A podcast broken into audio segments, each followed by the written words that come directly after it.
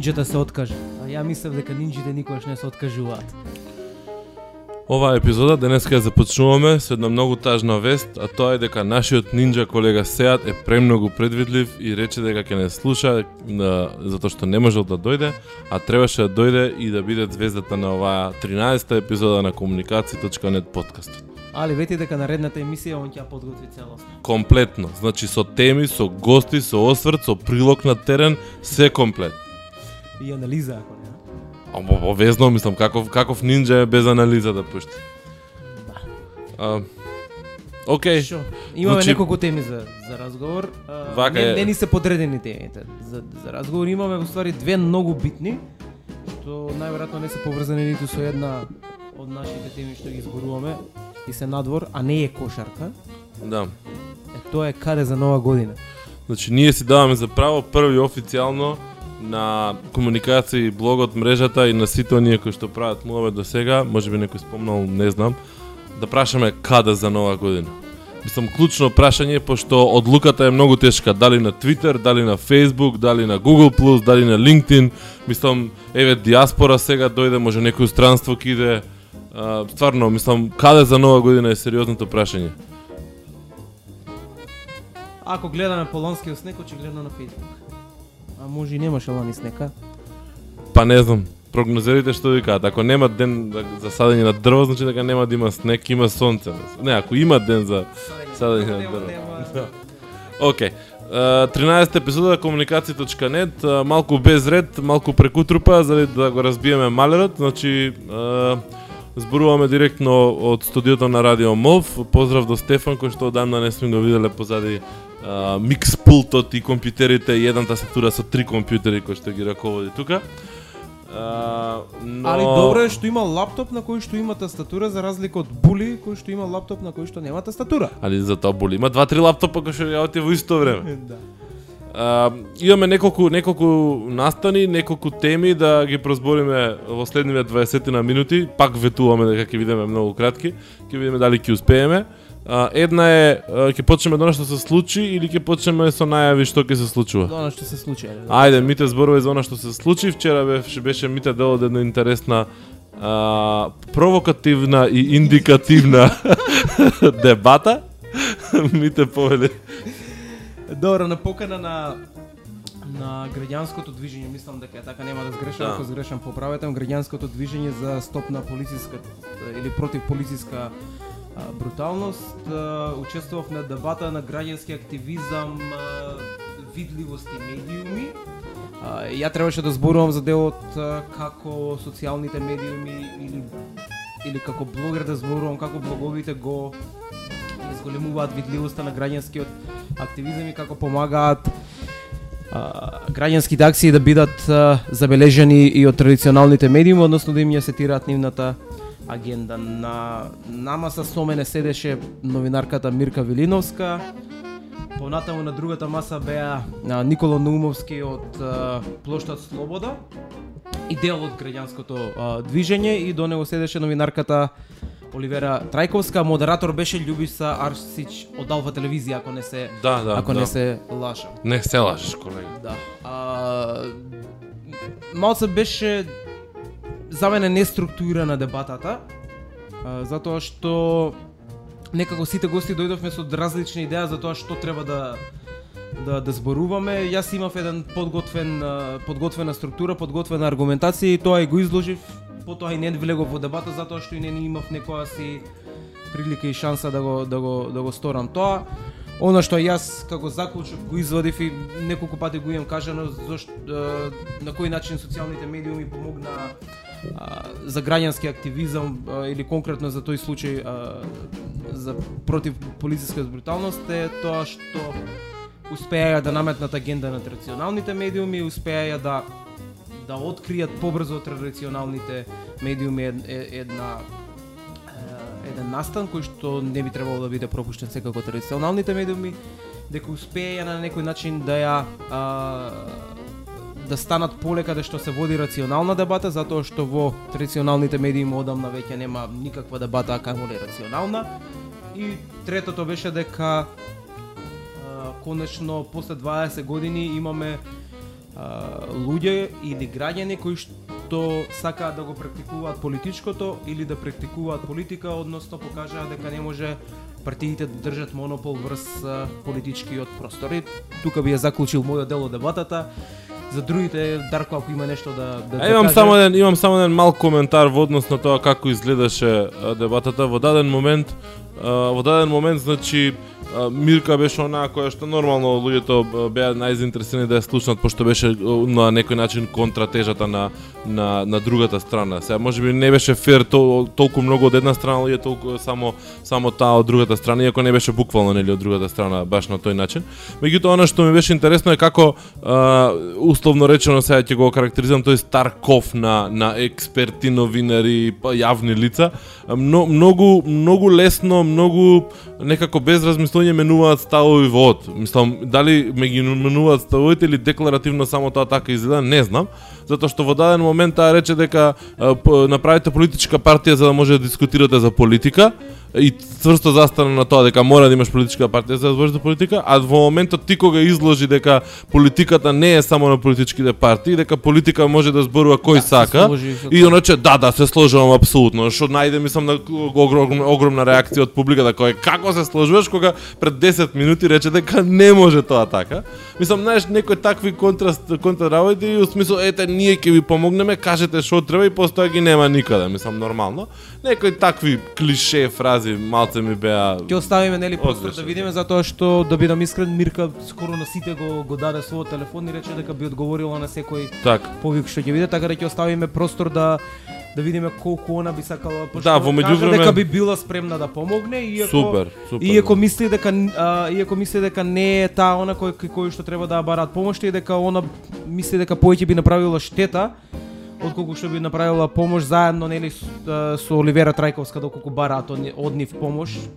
Некако, Добро, а- некако стално новинарите ние сме криви за се, не гледате од нас да побарате помош, а на крајот па испаѓа дека Мора да признаеме дека они дадоа доста интерес, мислам доста квалитетни забелешки и видувања на работите. Мислам дека знаат дека имаат искуство, тоа никој не го никој не го спорува. Меѓутоа дека а, не делуваат проактивно и не се баш онака буквално искрени дека сакаат да помогнат по, по што да се гледа по нивните дела, тоа е веќе друг муавет. Да. Дај Боже да да видиме некој нов момент, не само од нив две, мислам од било кој во јавната сфера, а тоа може да го да го прикаже, еве сега читам баш и на на интернет нов протест за Мартин Нешковски а, во петок во 12 часот пред основниот суд. Еден за време на последното рочиште од главниот претест во судскиот процес. Значи закажане, пови, по- повикане.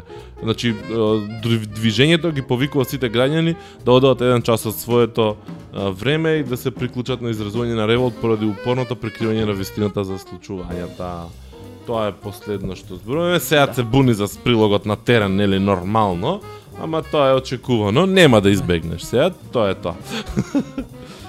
Добро, од кога завршивме со она што се случи, ајде нешто што треба да се а, случи и тоа е ова а, оваа недела на 4 декември во Рамстор од Недела? да, во недела да, на 4 декември а, во Рамстор од 13 до 16 часот а, сите корисници на Foursquare би требало да бидат радосни затоа што ќе имаат можноста да го да отклучат едно од најбараните и најпосукуваните а, значки од типот Swarm. Меѓутоа ваа е уште подобра затоа што некои некои луѓе веќе имаат Swarm значки.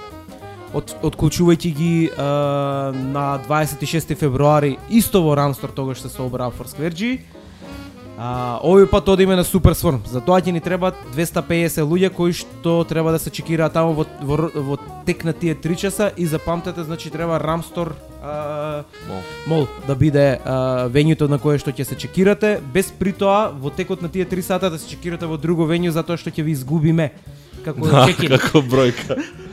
Um, добра, ај, ја цело време го трубиме Swarm, Swarm, Super Swarm фестивал и сите тие работи.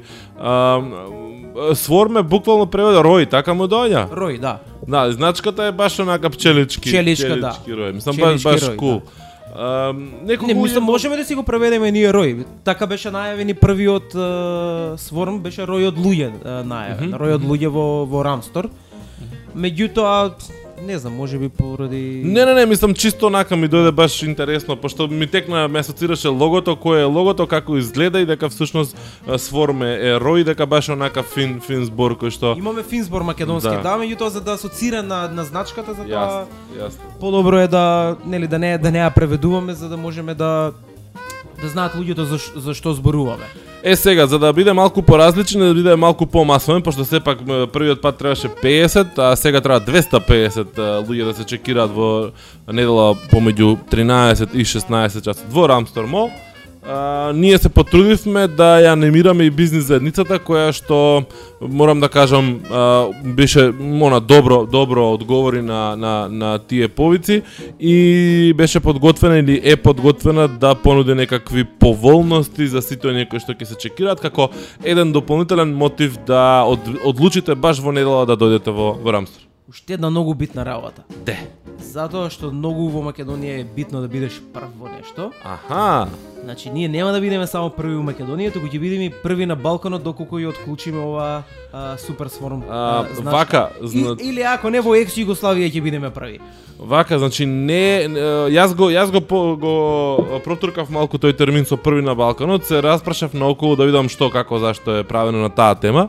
А, Имам информација дека сигурно не е организиран сворм фест, супер сворм фестивал.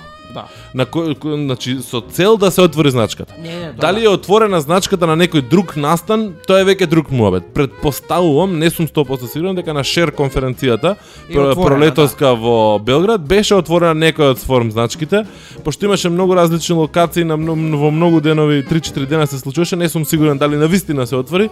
Јас имам отворено таа со 500, така да и не ми ни доаѓаат нотификации дали се отвори или не, меѓутоа дека е отворена некој настан може би да на Балканот, дека е организиран настан специјално за отварање на значката, дефинитивно не. Не. Значи тука сме први на Балканот кои што го прават тоа.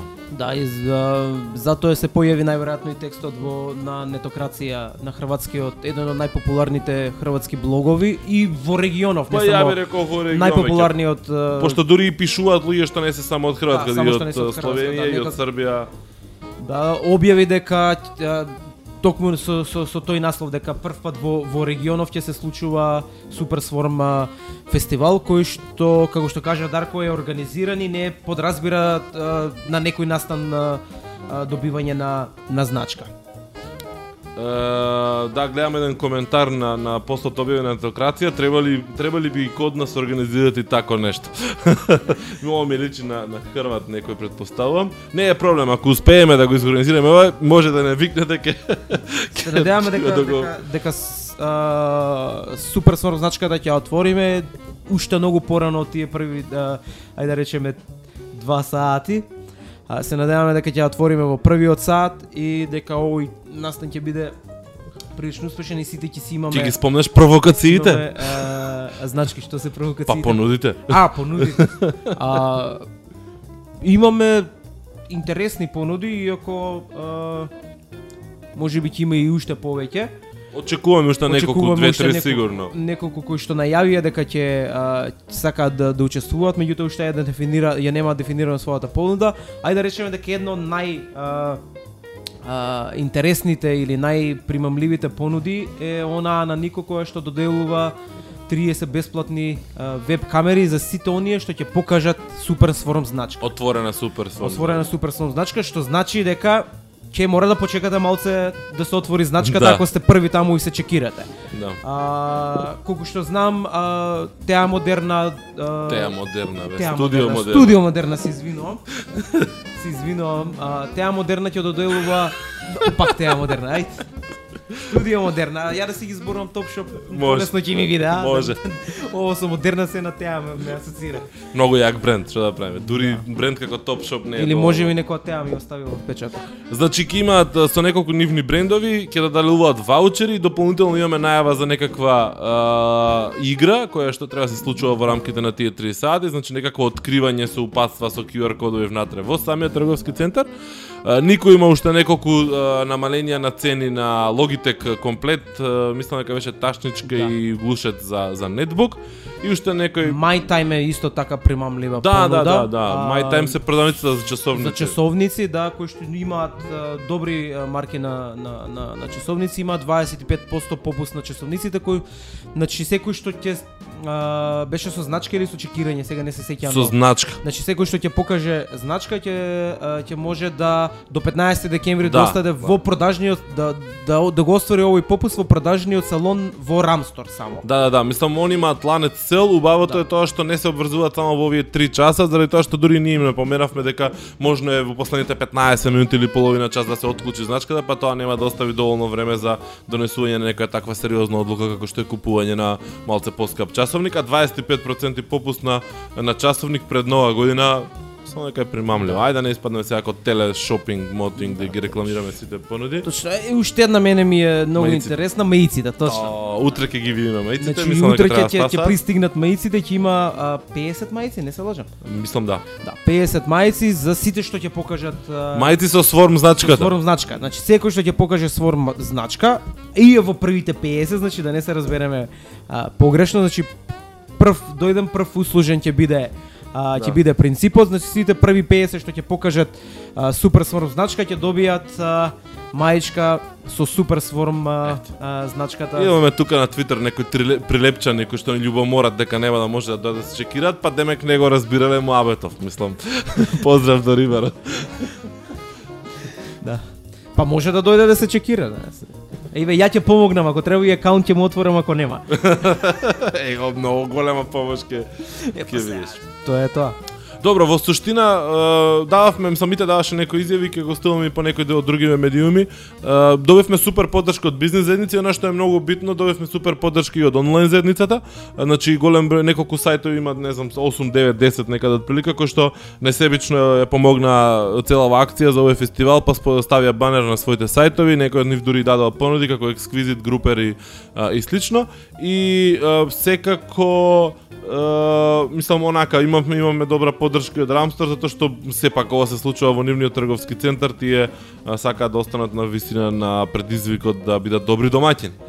Uh, веројатно ќе позборуваме ако успееме да отклучиме значка и некои од следните епизоди ќе се фалиме колку Да. многу сме јаки. Да. Мене тоа што што што ми беше интересно е дека компаниите некако а, иако е тешко да го објасниш Foursquare, а, откако ќе го објасниш добро или успееш да им го пренесеш, а, повеќе трзаат отколку на на на Twitter и на а, Да, да. и на Facebook затоа што најверојатно им а, Foursquare е сервис кој што корисниците е социјална мрежа кој што корисниците ги тера да одат во физичките локации на на на брендовите или на на некој што има продажен салон и така нешто. Јасно. Добро, мора да напоменеме дека кај некои од брендовите до ова веќе беше и она во фаза на исчекување. Значи знаеа што се случува, знаеа која е приказката и само чека а, да да дојде на ред следниот а, с- Сворм фестивал Да, и да, да, се да. вклучат да со некаква понуда. Мислам онака баш чека као ајде ајде направите го, направите го. Мислам мора да го кажеме и тоа, што во секој случај е добар добар сигнал ако се обидувате како бренд или како агенција или кој да е да работите нешто на на тема маркетинг и да се промовирате новогодишни празници доаѓаат, нели? Uh, сите нешто планираат или веќе испланираат да прават T-Mobile ја сними рекламата на телевизија, па што може да, Да. си фукна толку многу пари. Ама многу не можат, а сакаат директно нешто да направат и да има возможност на своите верни корисници. Да и кажам само на Наталија дека пораката е примена. А, и друг пат да пишува јавно, а не во DM, значи еве, јас ќе пробам да не да не шарам многу околу микрофонот за да на, за да не се менува висината на тонот а, кога кога зборувам. Тоа е само заради тоа што како мал омилена емисија му беше Шарам Барам. Не. Не ти Звон ми беше? беше омилена емисија. Ам тоа е више школска, ова е друга. А Шарам Барам што Па беше? мислам дека беше забавна. Забавна, да. Па не знам. Па азбука, би тоа беше едукативна школска, не знам. Бушева Да. азбука ќе рече. па Ај за ланскиот снег да правиме мојот. Ај за ланскиот снег да правиме муве, значи Дарко а, на шести патува за Париз. А, причината е најверојатно најдобрата конференција во Европа поврзана со а, интернет. Па не можам да судам дали е Или- најдобра, пошто не сум бил на премногу. Сакам да видам The Next Web во, во Холандија.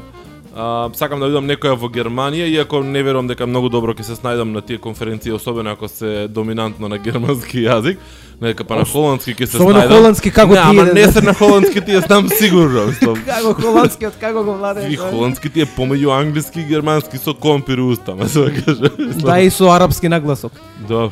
Значи, да, одам, одам патувам на Левеб на конференцијата која што оваа година ќе трае еден ден повеќе, значи ќе имам ќе имам шанса еден ден повеќе да а, слушам, гледам, уживам, трчам од сцена на сцена, од од место на место.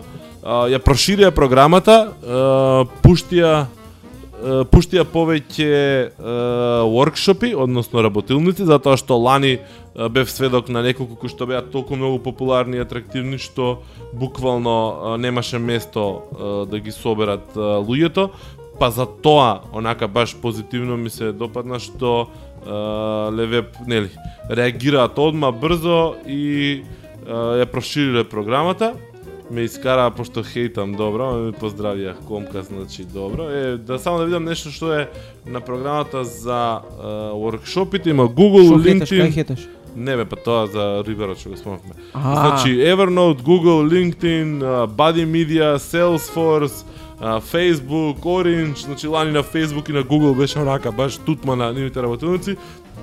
И ако успе, ако добро гледам, да, имаат а, по цел ден Google работилници, она баш цела една една просторија, цел ден Google, во едно на едно место скоро цел ден LinkedIn, а, еве го, скоро цел ден Facebook, така да ќе биде забавно да се да се следи што се случува тука, затоа што а, на главната сцена, ако биде како лани, нема да има премногу простор за дискусии, за прашања, затоа што они набиваат едно јако темпо да поминат на главната сцена што е можно повеќе луѓе со пократки а, презентации или излагања, не бе ги околу тоа презентации. Секако ќе произведам доста материјал таму, но еве на кратко само од, од страницата да ги прочитам некои од имињата кои што ќе се појават како говорници или спикери на оваа конференција. Немам појма зашто го ставиле сега Карл Лагерфелд овде прв. Се добро, окей, фешн дизајнер, фотографер, ама не или интернет е приказкал, немам појма што ќе прави муавет. Ерик Шмидт од Google, Шон Паркер, Кевин Роуз, што има друго? Evernote, Фил Либин, Мариса Мајер повторно, од, Майк Мекју од Flipboard, Facebook луѓе од Пет Девид Морин, Кевин од Instagram, нормално Рено нивниот главен спонзор ќе биде тука, од Virgin луѓе, Get Satisfaction, Idea Lab и уште мал милион други. Мислам, онака стандардни. Джеремаја е најавен исто така, мислам тука малтане нема кој нема кој нема. Не знам кој ми е уствари за крај оставен.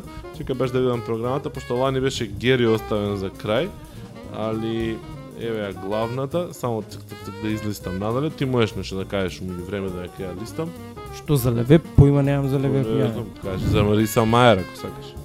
Па не, Нема врска. А, па нема нешто звучно на крај стајано, ствари дискусија е некоја. А, to social media marketing, модератор, бла бла бла. Добро, окей. Значи, у принцип, она што е битно сега за сега е дека ќе најавиме уште една епизода подкаст за оваа година, што ќе биде посветена веројатно комплетна на Левеб или уште две, една до за додека трае Левеб ќе се обидам да направам Да, и една две. после тоа. а Ма, и најверојатно потоа да ќе биде. направиме пауза. И потоа ќе одиме на зимски одмор. Односно ќе правиме mid season, како се вика. Да, мид сизон Break. Break. Ќе правиме, ќе имаме една мала мала пауза, нешто. И онака никој не работи за овие од како се вика, јануар почна на 15 декември Аха. и трае до 15 февруари, вајде. Затоа е најдолг месец, не дека има 31 ден. Мгм.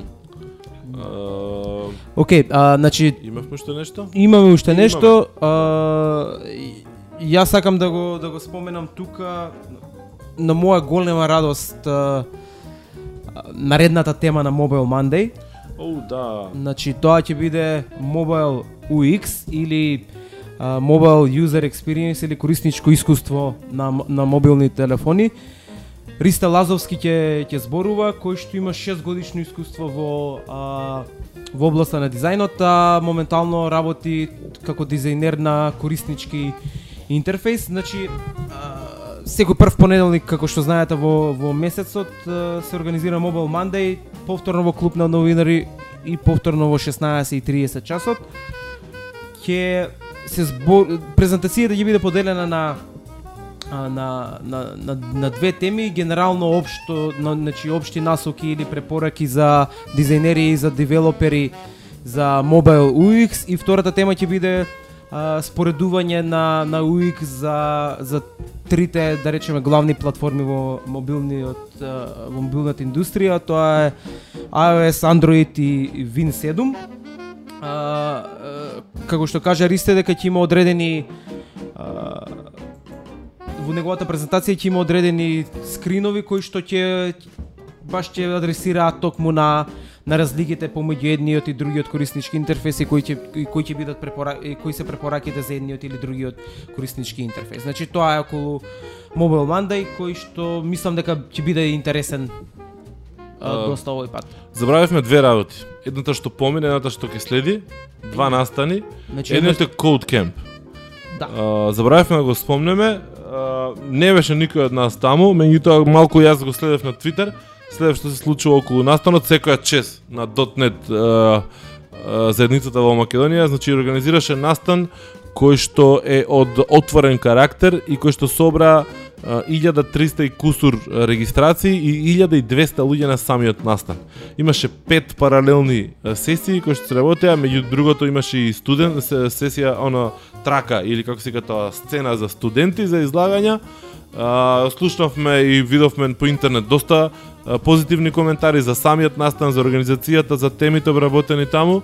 Така да, момци, секоја чест продолжете и понатаму, баш баш не радува тоа што ете нели се докажува дека нема потреба некоја голема компанија или некои големи пари и котизации да стојат, дека има заедница, дека таа функционира, комуницира и дека а, има интереси да се оди напред во приказка. Имаше, ми се чини доста гости, неколку гости од надвор предавачи, доста а, од дома, меѓутоа се на се народов од она што малку јас успеав да го фатам по интернет за време на викендов, а, беше задоволен. Да само да кажеме дека Mobile Monday најверојатно нема да биде прв прв понеделник во јануари. А како се паѓа? Па не знам како се паѓа, ама Ама нема да биде. Ама нема да биде. сигурно нема да биде, сигурно ќе биде после 13 јануари кога сите ќе се вратат на работа. Освен, освен ако нема премногу луѓе што им останало премногу руска салата, па да речат Па, као ајде да, Mobile може, да. Monday без тема, него тема руска салата на мобилен начин, да. Мобилна руска салата. да си изеде салатата што останала од Оно и сармата од Божиќ или како иде тоа? А, е, уште еден настан кој што се случува повтор пат оваа година. Доста луѓе го зборуваат исто така. За жал, јас добив официјална покана да бидам дел од жирито, но баш заради левеп и некои други обврски не можев да ја прифатам таа улога затоа што знаев дека ќе има доста доста активности околу тоа. Станува збор за вебсайт на годината. Гласање за најдобрите македонски вебсајтови. Гласањето трае до 10 декември, значи дека има уште време. А, мислам дека не пишува овде кога ќе биде настанот за со за соопштување, за доделување на наградите. А, има жири, има, ми се чини лани немаше гласање со од публика. Сега дека немаше, сега да. има гласање од публика, вели може да гласате за три сајтови во секоја категорија со давање на 10, 6 или 2 поени. Во секоја категорија може да гласате за три сајтови со различни поени. Гласањето за повеќе од три сајтови по категорија или доделување на исти поени на изборни сајтови во една категорија е забрането. Како А, го прочита ова? па така со го- а не, подоле било со со Не, големи букви. Колку брзо го прочита сега да ти кажам. Да? да. Зошто е? Па не знам, може да луѓе да не те чујат. Па добро дека Не си те отворат на сајт на годината.мк, ќе си проверат и ќе е, и ќе си гласаат оние што не гласале. Има една така поопширна листа на пријавени сајтови за кои што може да се гласа, така да фино се си објаснето. И ќе чекаме да видиме кои се добитници, победници и како и да ги нарекуваме понатаму веќе тие. Освојувачи на прво место од публика и слично. Па да Има да, такви категории или И има категории, само треба, еве чекај номинирани сајтови да кликнам. Вели категорија сајт на или година. ќе се или ќе се мешаат гласовите од публика со гласовите од Ау жири? не знам тоа. Не знам, не го прочитав, а веројатно некаде го пишува сега да не барам Да. по сајтов. Мислам дека ќе биде одел, ама во секој случај ако има гласање од публика би требало да има башка една награда Тачно. од публика, мерак да му е на човек дека публика го изгласала, пошто нај најдобро излобирал у теорија гледано, што не секогаш Или значи најдобро дека им се така. допадна. Значи, а, а, категорија 1 најдобар сайт, сайт на година, категорија 2 најиновативен сайт на година, што и да значи тоа.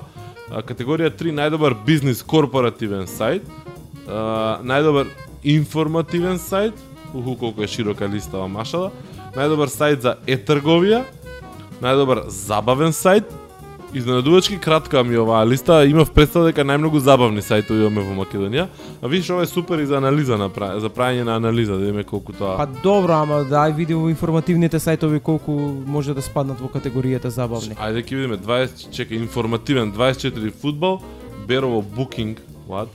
А, добра работа, Фемина, иди види кајга на кирилица, Македонија 24 место, Па добро, 24 нај прете, претежно Тендерник, претежно овие барем првите Science, 5-6 што ги прочита може да спаднат во категорија МК, за IT-ком. МК, добро, окей, Мак фудбал, млади инфо, окей, се сложувам дека ова е малце пошарена, пошарена листа, меѓутоа тоа е тоа, информативни се сетовите.